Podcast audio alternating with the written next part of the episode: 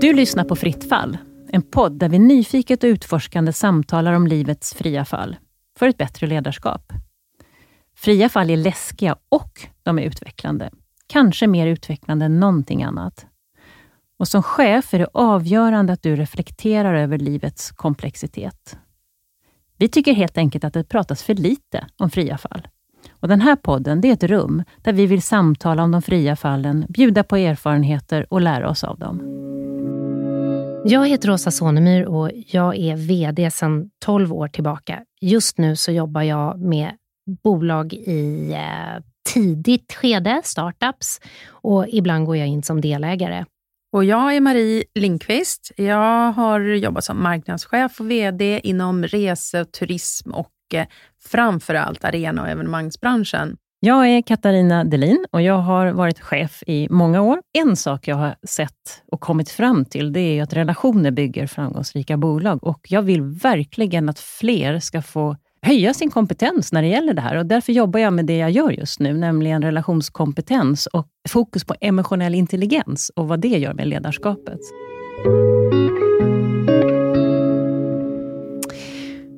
Okej. Ska vi berätta vem vi har som gäst ja. idag? Ja. Eh, vi har den stora glädjen att ha Anna Kowalska Lindberg med oss idag. Hej. Hej. Anna, vi ska ju strax få höra en berättelse. Du har en, säkert många fler, för jag vet ju att du har gjort en lång och framgångsrik karriär, mycket inom olika teknikbolag. Du har jobbat med som affärsutvecklingschef, du har jobbat som affärsområdeschef. Många olika höga positioner och um, under en period så var ju du Sveriges absoluta expert på biogas. Yes. Eller hur? Ja. I början av min karriär. Mm. Och Du har också gjort en karriär inom brittiska ambassaden. Och Just nu så är du näringslivschef i Haninge kommun. Det är väl här efter sommaren så går du tillbaka till din roll som VD i ditt eh, eget bolag Anima Ledarskap på heltid. Under en period då i din karriär så arbetade du som chef på ett företag som inte hade värderingar som stämde med dina personliga värderingar. Och eh, Vi ska prata om vad det gjorde med dig. Och eh, Vi vet ju att det, så det ledde bland annat till att du betedde dig på ett sätt, eller agerade på ett sätt, ska man väl säga, som inte var i linje med den du ville vara. Och Du kom ju till slut till din egen gräns i det här. Och eh, det är lite det vi ska prata om idag. Vad nyfiken man blir. Ja, mm. och ni hör ju, det känns i kroppen. Ja. Det där måste ha känts som ett fritt fall. Men innan vi går in på din berättelse, Anna. Mm. Det här med fria fall, det vi sitter och pratar om. Vad, mm. vad, är, vad har du för relation till, till begreppet? Mm. Eller att prata om mm. det? Jag tycker det är ett jättespännande och viktigt begrepp. Det är att leva, tänker jag. Att jag, jag, ser eh, fågelungen framför mig i fågelbot. Liksom. Eh, jag behöver utsätta mig för det fria fallet för att känna att jag har vingar. Det är liksom den bilden jag har framför mig. Mm. Och eh, Det är nog den som har drivit mig också, att mm. utsätta mig för fria fall, för att jag har velat känna på eh, gränserna. Vad kan jag göra med mitt liv? Liksom? Vad, vad är möjligt? Vad, vad, är, vad är det meningen att jag ska göra? Liksom? Vad kan jag göra av mig själv? Så jag gillar det här jättemycket. Så har du haft flera självvalda fria fall då? Ja, mm. absolut. Och de eh, grundar sig i någon eh, djup tillit till det som är. Liksom det där ungefär som jag tänker att fågelungen måste ha, eller så är, är fågelungen bara korkad, liksom, eller vet inte bättre. Men eh, liksom jag, jag har haft den där tilliten att eh, jag hoppar nu och eh, jag kommer att märka på vilket sätt vingarna växer ut. Eller, jag är ju, som Agneta Pleijel säger, jag har debuterat många gånger. Mm. Och, ehm, och vad, vad, grundar sig den där tilliten i? Då? Hur kommer det sig att du har den där tilliten? Um, ja, den är, det är jätteintressant, för att jag har inte alls den uppväxten. Jag har liksom inte fått det från modersmjölken eller sådär, utan jag tror snarare tvärtom. att eh, jag är uppväxt i en ganska otrygg miljö, men jag tänker att då kanske man också utvecklar en tillit till någonting större. Liksom. Eller jag gjorde det i alla fall. Mm. Eh, Jag har mött den. Jag har mött människor som har haft den och som har impregnerat mig med det.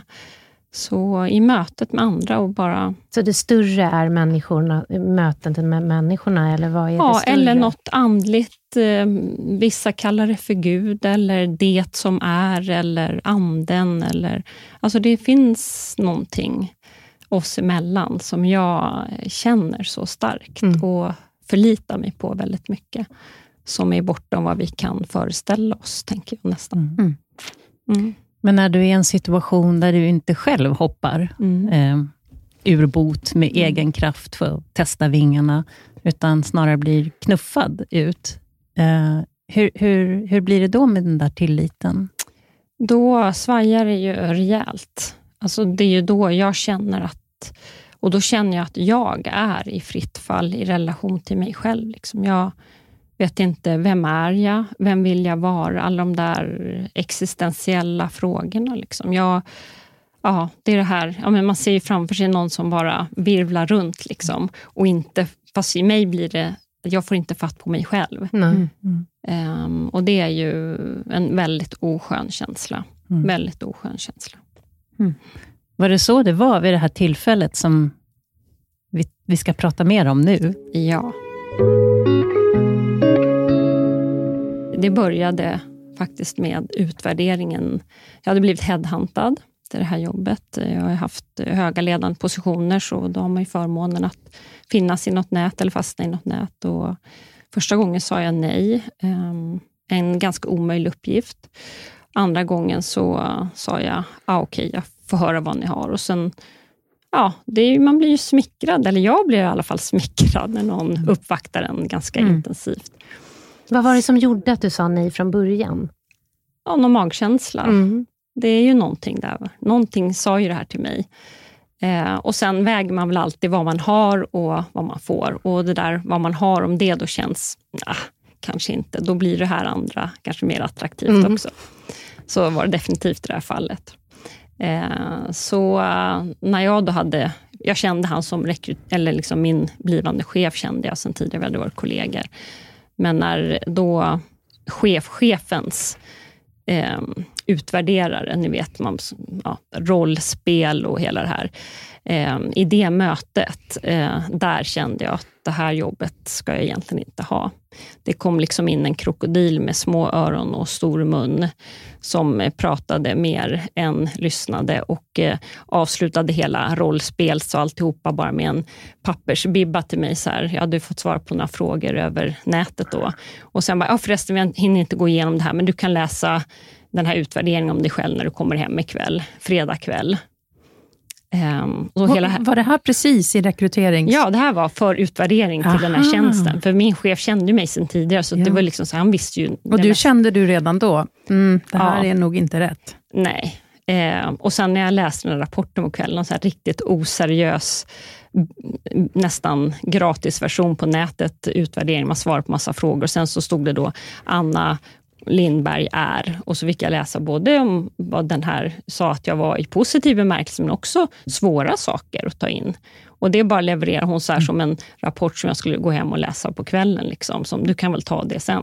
Men jag blir väldigt nyfiken. Hur kommer det sig att du tackar ja? Ja, Det, det, eh, Ja. det där smickret, vad var det som, som liksom gjorde att det kunde tippa över trots allt? Jag tänker att det var för att jag var färdig där jag var. Mm. Eh, Jag, eh, eh, ja, nästa steg, då var jag ansvarig för handelsavdelningen på brittiska ambassaden och nästa steg var att bli eh, brittisk ambassadör.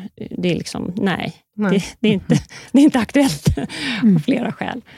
Eh, Så det var inte, nej, det var inte. Och sen så tänker jag att ja, man väger sina för och emot och sen så sa nej, men det kanske inte var så farligt. Eller, jag skrev i alla fall inte på kontraktet där och då, för det hade ju min chef med sig. Då sa jag så här, nej, jag vill vänta till måndag. Jag behöver sova på saken. Så det gjorde jag. Mm. Eh, och då hade jag en överläggning med mig själv och bestämde mig för att eh, jag ringde upp honom och sa att om jag, om du garanterar mig att jag inte ska behöva använda den här rekryteringskonsulten, utvärderingskonsulten, när jag ska rekrytera, för jag skulle bli chef över chefer, när jag ska rekrytera chefer eller nyckelpersoner, då säger jag okej. Okay. Och så gav jag honom feedback kring vad jag tyckte om själva processen. Och sen ringde jag till henne och gav henne feedback. ja, så att då kände jag liksom mm. att ja, då hade jag fått det i alla fall, mm. att jag slapp använda henne. Så då hade du liksom liten, du kom in på ett minus eh, i din egen känsla, magkänsla, Absolut. redan från ja. dag ett? Absolut. Berätta, vad hände sen då? Sen kom jag in i en kultur som, eh, eh där jag var på min eh, första sån här Best Executive Leadership Program. Man väljer ut liksom 10 eller 20 var vi kanske eh, högsta då och så ska alla de gå ett sånt program under ett år. Ni har ju alla gått de där programmen.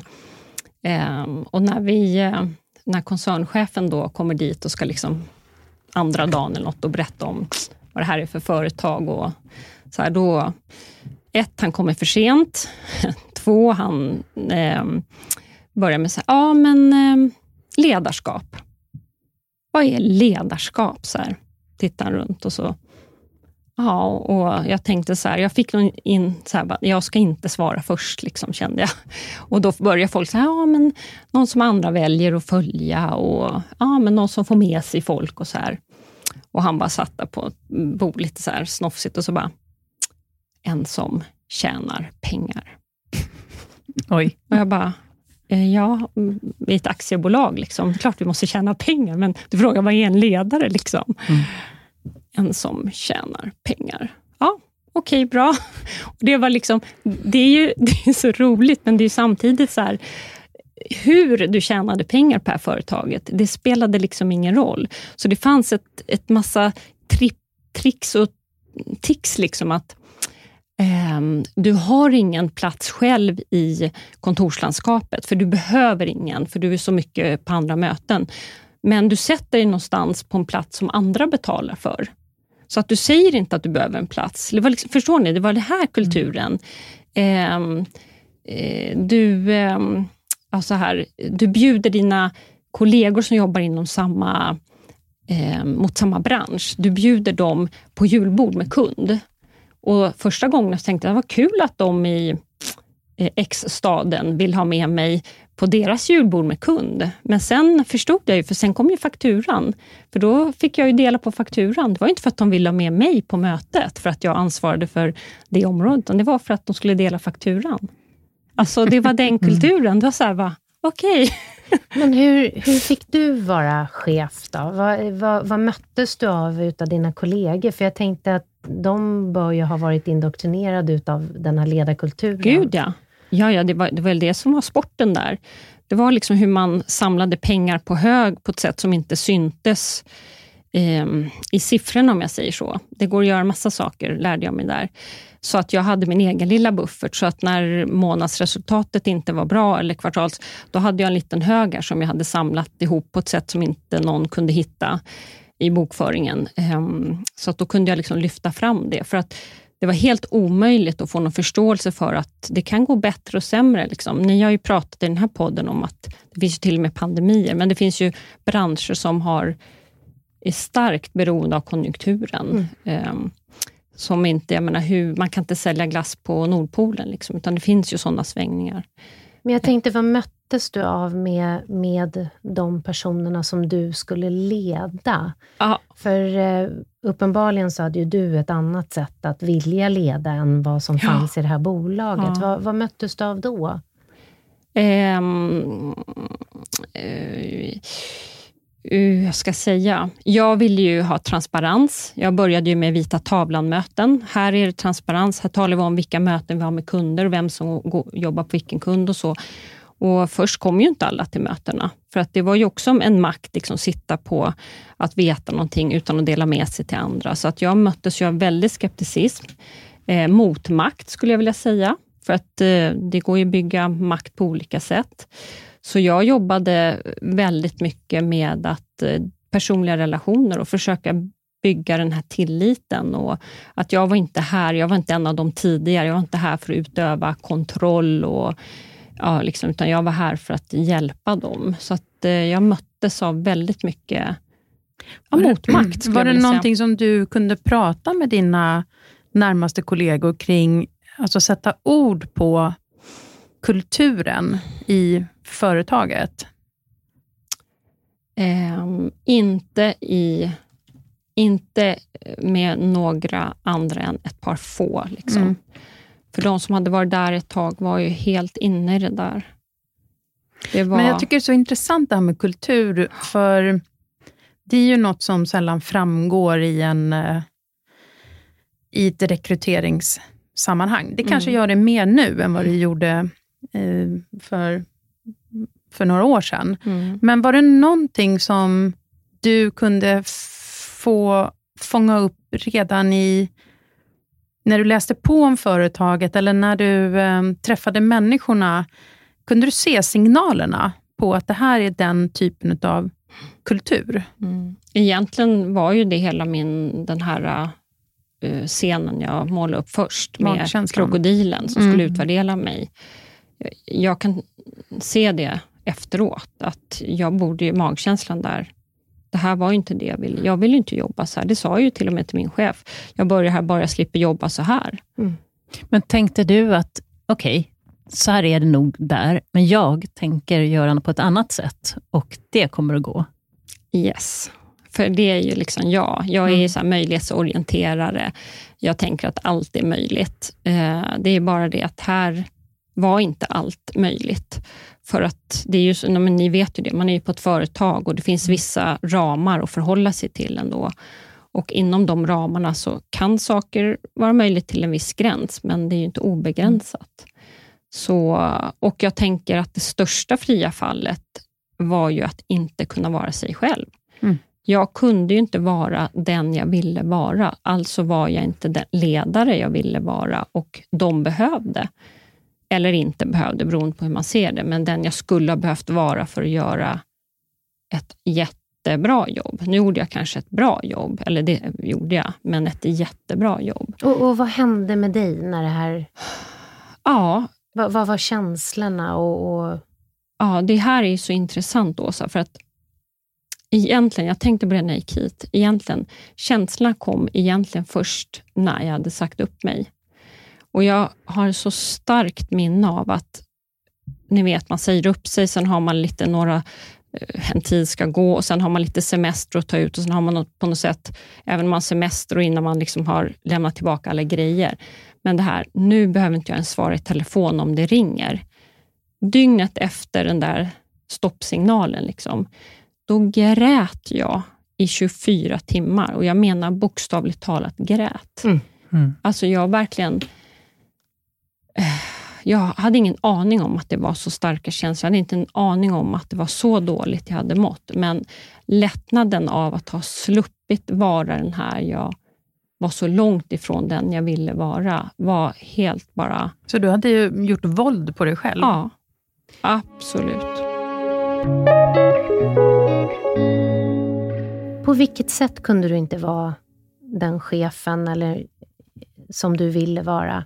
Vad var det du ja. faktiskt gav avkall på? Ja, jag behövde gå in i en roll eh, av att vara detaljkontrollerande. Eh, eh, på den nivån att eh, om jag ansvarar för ett, ett eh, område som omsätter 100 miljoner, så ska jag ha koll på enskilda individer. Säg att det var 100 personer då ungefär.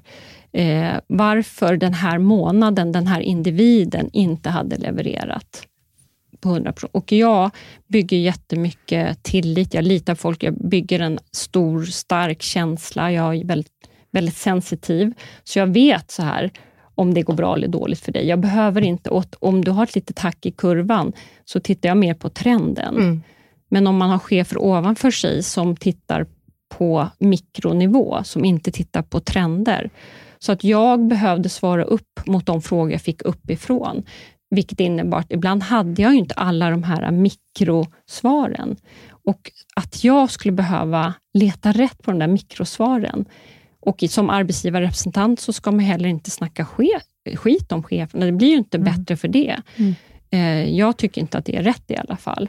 Så att hamna i det här skruvstädet mellan att fortfarande vara representant för dem ovanför och ändå inte göra alldeles för mycket våld. Alltså det var ju det var jag som blev krockkudden däremellan, liksom, min egen.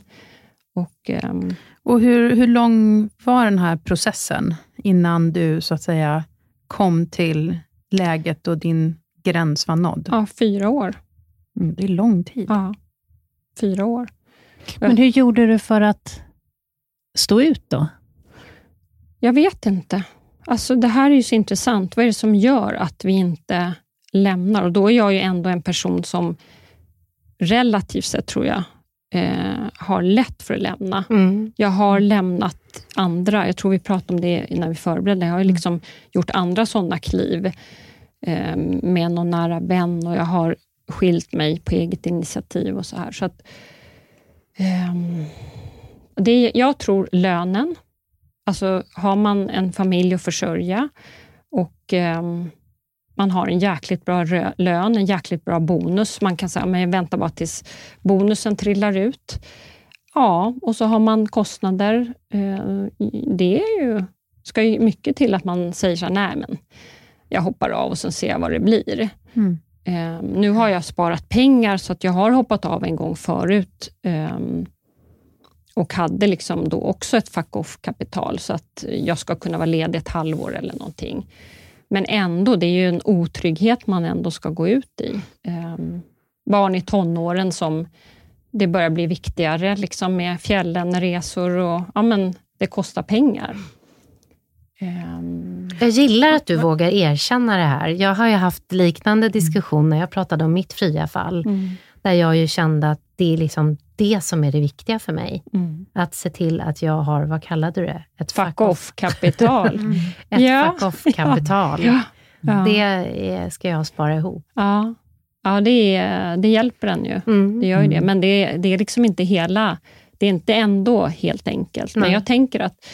Och sen så det här tvivlet om mig själv. Beror det här på mig? Eller beror det på omgivningen? Liksom, det här gick jag mellan också. Om jag bara kanske ändrar på mig, anpassar. För att så måste vi ju göra. Det pratas ju mycket om autentiskt ledarskap. Liksom. Allting som är autentiskt är ju så bra. Men du kan ju inte vara bara dig själv. Du behöver ju anpassa dig mm. också. Du ska ju in i en kontext. Du ska ju verka i ett sammanhang. Så du kan inte bara, men ja, sån här är jag, ni får ta mig sån. Det går ju inte heller. Hur, hur rättfärdigar du För någonstans så måste du ju ha gjort det inombords för att kunna jobba i fyra år på ett ställe som du redan från början kände att oh, det här var mm. nog inte mm. riktigt. Hur, hur, hur rättfärdigar mm. du det? Är en väldigt viktig fråga. Jag tänker att jag gjorde det för eh, deras skull, alltså inte upp, upp utan neråt. Mm. Jag hade rekryterat chefer under mig. Jag hade liksom, någon hade till och med varit på väg att säga upp sig, för han fick ett jättebra erbjudande någon annanstans ifrån. Och jag bara, nej men inte nu, snälla. Så jag bad på mina bara knän. Han bara, så länge du är kvar, jag är kvar. Alltså mm. sådana där grejer också. Jag, mm. jag, liksom vill, jag gjorde det för deras... Jag såg att vi höll på att bygga upp någonting ändå, någon slags levande gren i det här halvdöda grenverket. Liksom. Men du, under de här fyra åren, kan du så här i efterhand se att du förändrades någonting i ditt ledarskap? Ja, jag, eh, jag tror att jag blev räddare, Marie. Mm. Jag, jag, jag kommer så väl ihåg, jag har ju alltid haft en professionell handledare i mina chefsuppdrag. Ehm, hon är psykolog, psykoterapeut, hon är verkligen alltså, hon är min livlina. Och, eh, jag kommer ihåg ett samtal mot slutet där när jag sa att vet du, när jag möter koncernchefen så här, utanför hissarna, eller, ja, men han visste ju mycket väl vem jag var och vi hade liksom, vi, eh, jag hade en, vikt, en viktig roll där. Ehm, jag blir så rädd. Alltså jag bara känner att jag blir rädd och det är väldigt ovant för mig att bli rädd när jag möter en annan människa. Eh, så jag kommer just ihåg att jag hade fått fatt på den här känslan själv och då säger hon så här, Anna, är du säker på att det är din egen rädsla du känner? Jag bara, Vadå egen? Ja, men jag är ju rädd. Mm. Men då sa hon så här, att du är ju väldigt sensitiv och vi projicerar jättemycket känslor på varandra. Det kan vara hans rädsla du känner. Och då bara så här, okej, okay, jag fattar. Alltså en rädslokultur och att jag blir rädd, det kan ju ha att göra med att det är en rädsla, att det är någon ovanför mig som är rädd och sen bara fortplantar det sig ner. Eh, det där har jag tänkt jättemycket mm. på. Jag blev en rädd ledare. Mm, jag tänker att du var ju tvungen att utveckla eller anpassa dig eh, i ditt ledarskap till att eh, jobba med eh, sånt som kanske inte är din främsta styrka eller det som du eh, är din drivkraft eh, och så vidare. Alltså man, man, man mm. får, när man blir tvingad in i att göra det som man egentligen inte som går emot ens värderingar? Ja, mm. eller där man känner att här tillför jag mest värde. Det här är någonting som jag är bra på, här kan jag verkligen bidra. Och så är man satt till att göra andra typer av arbetsuppgifter. Mm. Som jag lite förstod, eller ett annat typ av ledarskap. Mm. Som du pratade om det här med detaljorienterade. Mm. Tappade du självförtroendet eller tron på din egen förmåga under de här åren? Mm. Jag tror inte jag gjorde det. För då tror jag inte jag hade tagit det steget jag gjorde sen och lämnade. Men jag var ju, det var ju dagar och nätter. Alltså det här är den första delen av mitt liv där jag började ha vakna nätter. Alltså, jag tror, vet inte om jag delar det, men många har ju haft vakna nätter i alla fall. Um, och där var det ju ältandet om, kan jag det här, klarar jag det här, är det mm. fel på mig själv? Och, um, Absolut. Men självkänslan, liksom att jag ändå tyckte att jag var värd något och det mm. där, mm. den fanns nog kvar hela tiden. Men oj, oj, oj, jag var, låg i brygga. Mm. Vad utvecklar du för överlevnadsstrategier eller överlevnadstricks då, under de här åren? För att ändå mm. hantera situationen och Ja. Mm, det här, jag, jag tänker att eh, mina närmaste relationer till de som betydde mest i mitt liv eh, var min överlevnadsstrategi. Att ha liksom någonstans där, här kan jag tanka. Om jag mm. måste göra av med väldigt mycket här, så har jag ändå någonstans eh, en vågbrytare att komma in bakom. Liksom. Det här kan andas ut och mm. eh, tanka, fylla på. Fanns mm. det något i jobbet som var roligt? Jag är nyfiken här på ja. liksom, de här fyra åren. Ja, eller hur? ja, men jag är ju en tävlingsmänniska mm. väldigt mycket. Så ett, jag vill ju visa att jag klarar det här. Så det är ju liksom, det är en drivkraft. Jag vill inte ge upp eh, när jag är uthållig. Men sen var det också, jag sa att jag har debuterat många gånger. Jag fick eh, ta över först en bransch, och sen när jag hade börjat lyfta den eh, verksamheten uppåt, liksom, med näsan ovanför vattenytan, då fick jag ta över en bransch till, ett nytt område. Och Det är ju liksom, det triggar ju mig, det stimulerar mig jättemycket, lära mig en helt ny bransch som jag inte har varit i, nya relationer. Alltså det är verkligen så här, och i och med att jag också har jobbat mycket med strategisk affärsutveckling i en eh, sån funktion, så när jag sen har tagit över verksamheter har ju att det börjat med det strategiska affärsutvecklingsarbetet som i sig är jättekul. Liksom kartläggning, hur ser kartan ut, var är vi, vad är vår punkt, vart ska vi? Hela det här strategiska fick jag ju göra två gånger då, tillsammans med andra. Och, mm. Så jag menar, ja, det fanns absolut sådana mm. jätteroliga saker i det här också. Mm. Men kände du att du också blev en del av kulturen? Att du accepterade den till viss del och integrerade den till viss del, då, så att inte ställa dig helt utanför? Eller levde du som ett litet parallellt ja. parallell kontext ja. och så fick det andra bara vara och så försökte du bara hålla det borta? Ja, jag tror det. För att jag också ledde en verksamhet som inte heller ville vara en del av kulturen. Så det hade liksom eh, det fick jag också på mig väldigt mycket från dem eh, som jag jobbade med. Vad, vad, vad var sista droppen då? Sista droppen var att jag kämpade för en, ehm, en organisationsförändring kan man säga. Jag skulle ansvara också för stora projektaffärer inom den här, en av de här branscherna. och verkligen jobbade med det här och hela alltet och la upp liksom hela strategin och allting. Och jag hade ansvaret för och sen, men vi måste ha alla de här delarna av organisationen med oss i styrgruppen och liksom hela strategin och hela ja, kittet och så bara yes, där satt den. Och sen Anna Lindberg, hette jag bara då, inte med i styrgruppen. Fattar ni? Jag hade liksom jobbat fram en hel, jag skulle ansvara för det här och ändå på något sätt hade de lyckats peta ur mig ur hela det där systemet. Alltså, jag vet inte, det var, det var droppen. Det var en så här, hur ska jag kunna ta det här ansvaret eh, när jag inte får det? Liksom? Mm. Beskriv för oss var du befann dig då när de här tankarna gick igenom dig. För första gången så blev jag förbannad. Alltså jag gav uttryck känslan bara kom till mig. Då hade jag en annan chef, inte han som hade rekryterat mig, som jag ja, antagligen hade väl varit förbannad ett tag eller någonting. Och då mm. var det bara så här, då på mötet, bara där och då, då bara brann det till. Så jag hörde mig själv säga att jag var förbannad och tyckte att det var... Jag tror jag sa, det här tycker jag är för jävligt, tror jag jag sa. Mm. Det är liksom, jag brukar inte säga, jag snackar inte så vanligtvis. Mm. Det lät som det kunde varit lite corporate rätt att säga en sån sak. Absolut, alltså verkligen. Men ni vet, då, då, man, man, får nästan, det är så här, jag fick syn på mig själv. Ja. När jag hörde mig själv. Plötsligt hörde jag mig själv säga, så bara, det var för jävligt. Anna, det var för jävligt. Ja. Det var ju, jag sa ju det till mig själv mm. egentligen.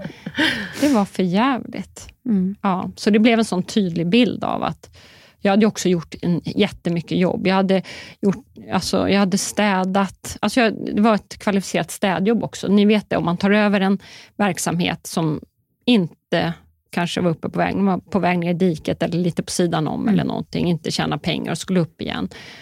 Det är mycket man behöver städa upp liksom, mm. i relationer, uppåt och neråt, åt sidan och till kunder och till leverantörer och pff, allting. Men där och då, när du sa till dig själv, det Anna, det här är för jävligt. ja. Svarade du då, ja, jag slutar? Eh, då, när jag var vid den punkten, då hade jag ju börjat samla pengar på hög, för jag hade liksom förberett, jag hade gjort, gjort min egen plan. Jag skulle starta Anna Lindberg Konsult. Eh, och då var det så här, ja nu ska jag sätta den här mm, planen i verket. Så då var det bara att vänta tills bonusen var utbetald. Mm för föregående år. Så det var i början på året. Och sen när jag har fått den, då säger jag upp mig. Ja. Då hoppade du? Ja. Men du, när du då hade tagit det inre beslutet, mm. även om du inte hade sagt det, mm.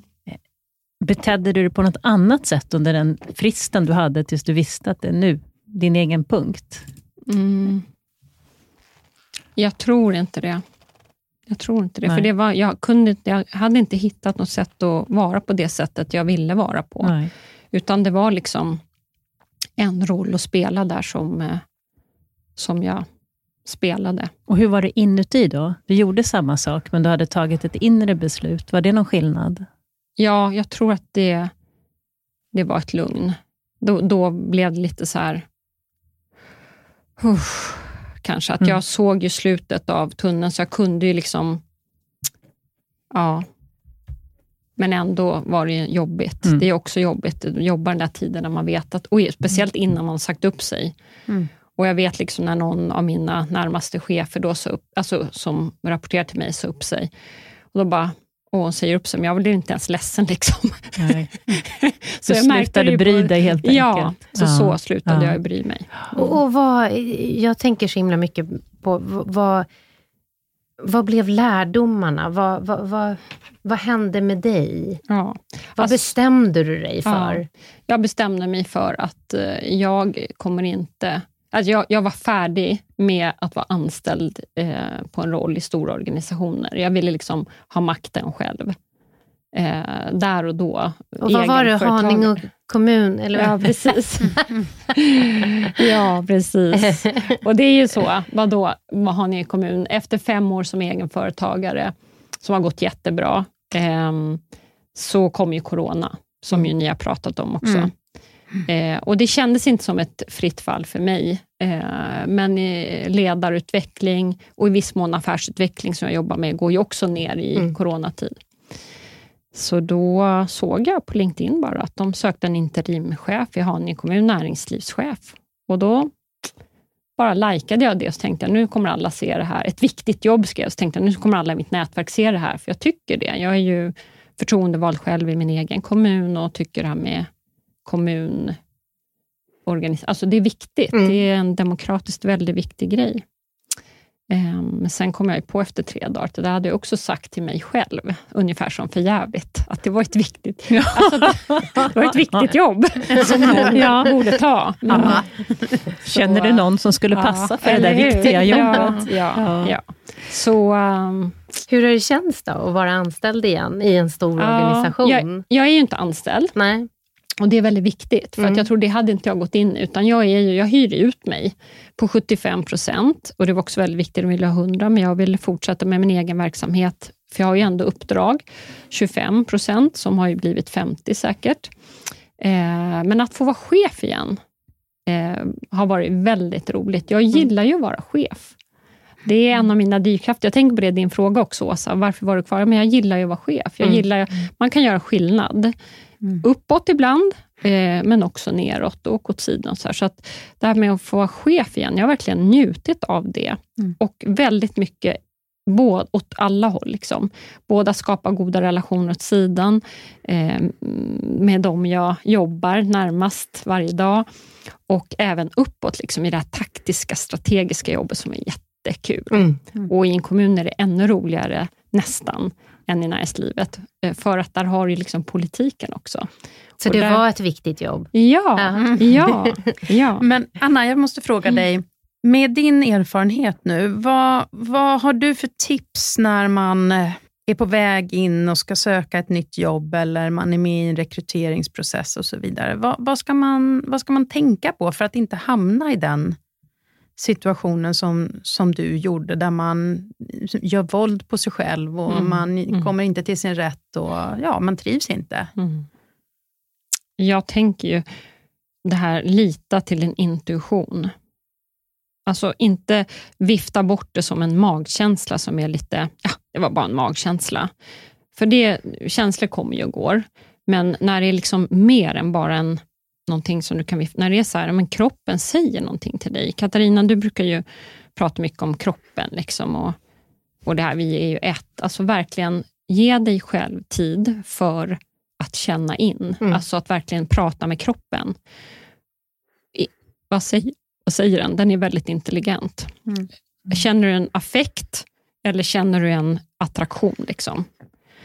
Och det vet vi ju om vi bara stannar upp och känner efter. Så det skulle vara mitt, inte hålla på att analysera och plus och minus och lister och sånt där. Mm.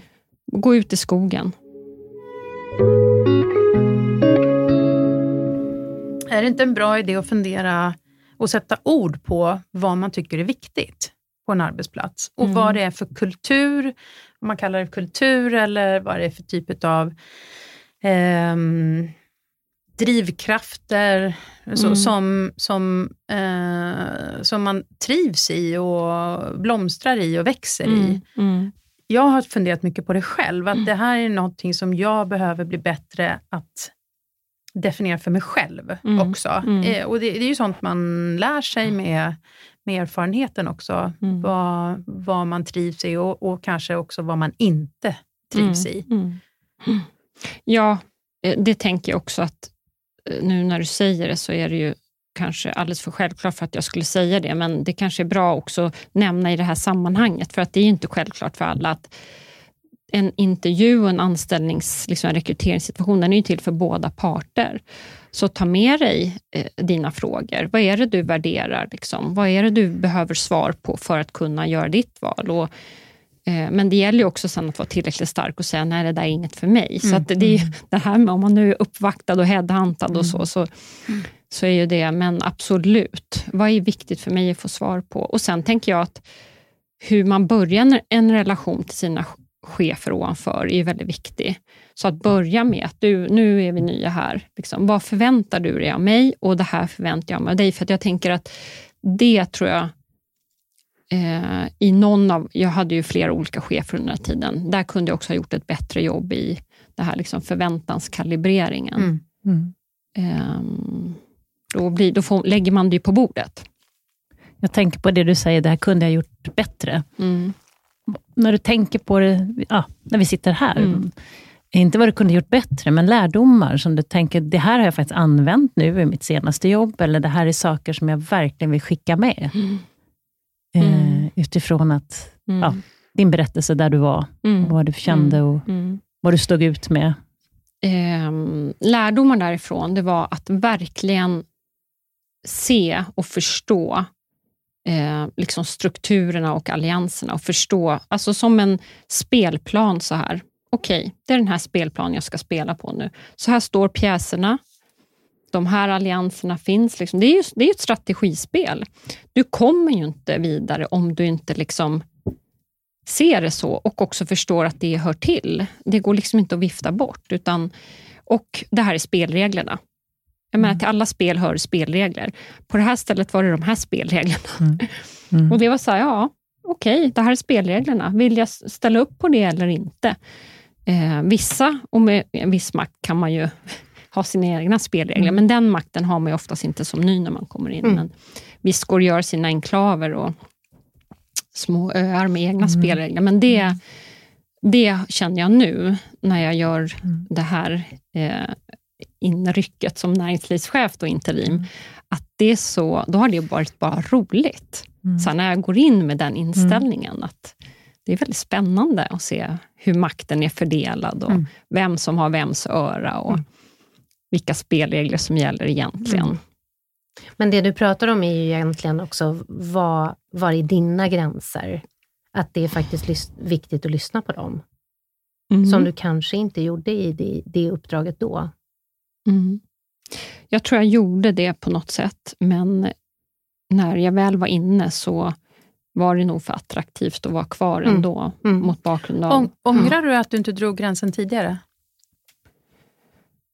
I relation till min familj så kan jag nog ångra det. För att jag var inte den bästa Anna under ett par år där. Det tog hårt på mig. Mm. Så jag tror att min omgivning hade mått... Alltså nu var det in, ingen som tog skada eh, liksom väldigt explicit eller så, men jag tänker att jag hade... Jag kanske förlorade ett par år där. Mm. I relation till mina närmaste. Mm. Alltså min man, han, han drömde, alltså hans drömmar var så att vi var på, fjäll, att vi var på fjällresa liksom, och ute och skidade på fjället så med tungpackning och allting. Och, och jag bara gick med telefonen och svarade liksom företagets namn och Anna Lindberg och pratade och tog inte ens av mig skidorna. Gick in liksom i någon raststuga där bara med skidor och allting på och var helt i min värld. Alltså, ni förstår. Mm. Mm. Och han berättade de här drömmarna för dig? Ja, ja. Ja, absolut. Mm. Ja. Men jag tänker, skrattade du eller såg du också vad som faktiskt höll på att hända? Eh, jo, men eh, jag kunde skratta åt det emellanåt, mm. så att jag såg det delvis utifrån, men inte varje dag. Så den där, jag vet inte, han kanske mm. valde när han berättade den där drömmen, mm. liksom, men han gjorde det i alla fall. Mm. Eh. Men jag hör ju ändå att även om du kom till en gräns i det här eh, mm. Eh, mötet, eller det här beslutet mm. om att du var utesluten ur den här styrgruppen, så hade du ju redan din plan klar. Mm. mm. Så du hade ju mycket tidigare mm. börjat förbereda mm. för, eh, för ditt fria fall. Det hade jag ju gjort. Och egentligen, när jag har tänkt på det också inför det här, att egentligen tror jag att det fria fallet var inte när jag tog beslutet och när jag sa upp mig, utan det var egentligen fyra års fritt fall mm. från mig själv. Mm. Och Det var väldigt intressant, för först tänkte jag ju när vi pratade inför att det var ju fria fallet kom ju sen, men då var det mm. egentligen, det var där jag fick vingar. Liksom. Mm. Mm. Ja. Just det, så det, du föll i fyra år och sen ja. tog du ett jätteskutt med ja. vingar som bar. ja, ja, ut i det liksom, mm. där jag kunde vara mig själv. Mm. Så på något sätt det här fria fallet. Jag, jag, jag ser de här två klippavsatserna som ni har illustrerat mm. också. Och så är fria fallet i mitten. Men jag tänker att jag var på en klippavsats där jag inte kunde vara mig själv. Och sen hoppade jag liksom och tänkte, där vill jag vara, för där kommer jag kunna vara mig själv fullt ut och blomma ut och så. Och då liksom, jag fick vingar att flyga dit, så här tänker jag. Mm. Mm. När jag ser bilden framför mig. Fint. Vilken, Vilken fin avslutning. Ja. ja, jag känner, nu vill inte jag fråga något mer, för den där bilden vill jag bevara. Mm. Det fria okay. fallet med vingar. Ja. Mm. Mm. När fria fallet blir lyftet. Mm. Mm. Tack, Och Anna. Det, ja, tack så hemskt mycket. Det var en väldigt fin eh, bild. Mm. Okej. Vad tänker ni? Jag tänker så mycket. Det måste mm. nästan landa ner lite mm. i, i kroppen, känner jag. Jag, jag. jag berördes väldigt mycket av det som, som eh, när du pratade om det här med rädslan. Att vara rädd. Mm. Att eh, hamna i en situation där man, där man känner att man, man inte litar på ifall att det är man, en själv det är fel på, eller om det är situationen mm. eller omgivningen. Och att känna rädsla, för att det är ju eh, precis som, som Anna sa, det är väldigt svårt att vara en bra chef när man är rädd. Eh, och att jag också kände mig så glad när Anna sa att nu, nu blev jag förbannad. Mm. Vilken jävla lättnad att du blev det till slut, ja, känner jag. Ja. Eh, för jag tror att jag faktiskt satt lite grann med så andan i halsen, eller inte riktigt andades och väntade bara på när, när ska det här ta mm. slut? Mm, mm, faktiskt. Mm. Så berördes mm. jag. Eh, vad tänker ni? Jag håller med dig om att det var... Jag har många bilder i huvudet. Eh, kvinnan som tar och hoppar över stupet med vingar, den kommer ju finnas kvar. Eh, och att ibland är det fria fall, fallet egentligen en fast mark, fast på fel sida. Eh, och att du beskrev det så väl, din intuition. Du pratade om det i rekryteringen, men du, du hade ju hela tiden det här att du känner i magen. Och vaknar du på nätterna, alltså lyssna på det. Eh, för det går inte över. Det var väl det, du försökte få det att gå över mm. år efter år efter mm. år, men det, det, gjorde det ju inte. Så är man på fel plats eller med fel människor, så vet du. Eh, och hur länge ska du vara där då? Mm. Eh, sen har jag all respekt för, och det kan jag gå till mig själv inte minst, att bryta upp är inte lätt. Att lämna är inte lätt. Eh, men det går inte över. Sen är det schackspelet. Alltså för mig blev det ett schackspel eh, med de här pjäserna som du beskrev. Och antingen så kan man tänka, nej jag spelar inte schack, det där är ingenting för mig. Jag, jag, eh, jag har andra sätt. Eller så ser man det där spelet och tänker, ja, här ska vi spela schack. Och lista ut det och, och se det som en utmaning och eh, faktiskt någonting som kan bli lite spännande. Mm. Och inte ett hinder som står mm. i vägen. Mm. Ja, två reflektioner. Det ena är hur viktigt det är att definiera och sätta sina egna gränser. Att förstå, förstå var, de, var de går. Att det där måste man, det måste man, tänk, måste man fundera på. Och, um, jag tror också sätta ord på, på det själv, men också beskriva, beskriva miljöer, kulturer, sammanhang som man växer och utvecklas i. Och, och men också sätta ord på vad vill jag inte vara någonstans. Mm. Eh, det, det, det, tänkte jag på att um, det har vi nog inte gjort allihopa. Det, det är nog en bra övning. Mm. Um, det andra tänkte jag på, jäklar vad människan är uthållig. Oh. Det är ändå fyra år som du kämpade. Mm. Och jag tror att eh, det är många som känner igen sig. Mm i din beskrivning. Mm. Att man vill så mycket och man tror man kan ändå vara med och driva förändring och man har många runt mm. omkring sig som man tar hänsyn till och man kämpar och kämpar och kämpar. Lång tid. Ja, människan är verkligen uthållig. Mm. Ja. På gott också, ja. men såklart på ont också. Mm. Mm. Vad kostar det att vara uthållig? Mm. Och Anna, nu när du har fått sätta ord på din berättelse och du hörde våra reflektioner. Vad, vad sitter du med nu? Skulle du vilja alltså, sammanfatta? Apropå det här med kroppen. Mm. Jag har ju upplevt det här igen nu under den här stunden. Så att kroppen, är, jag känner det, den är ju spänd. Mm. Um, det är ingenting jag vill uppleva igen. Uh, jag vill jättegärna dela med mig, så tack för att jag blev inbjuden. Uh, men det är inte, den känslan är inte skön. Uh, men det är skönt ändå att få dela med sig. Så det är väldigt, ja, ni förstår. Mm. Um, jag tycker att det är flera som har sagt det och jag, vi, jag har ju känt det själv eftersom jag har varit i, mm. i samma situation mm. som mm. dig. Att det blir väldigt starkt. Mm. mm. Tack snälla. Tack Anna. Tack så hemskt mycket Anna Kowalska Lindberg.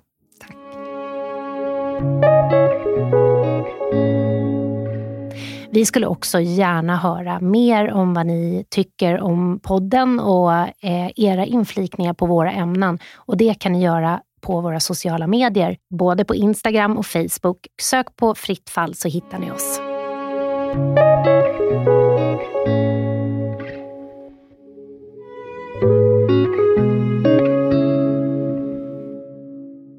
Fritt fall, en Nora-produktion producerad i samarbete med Niklas Hedberg.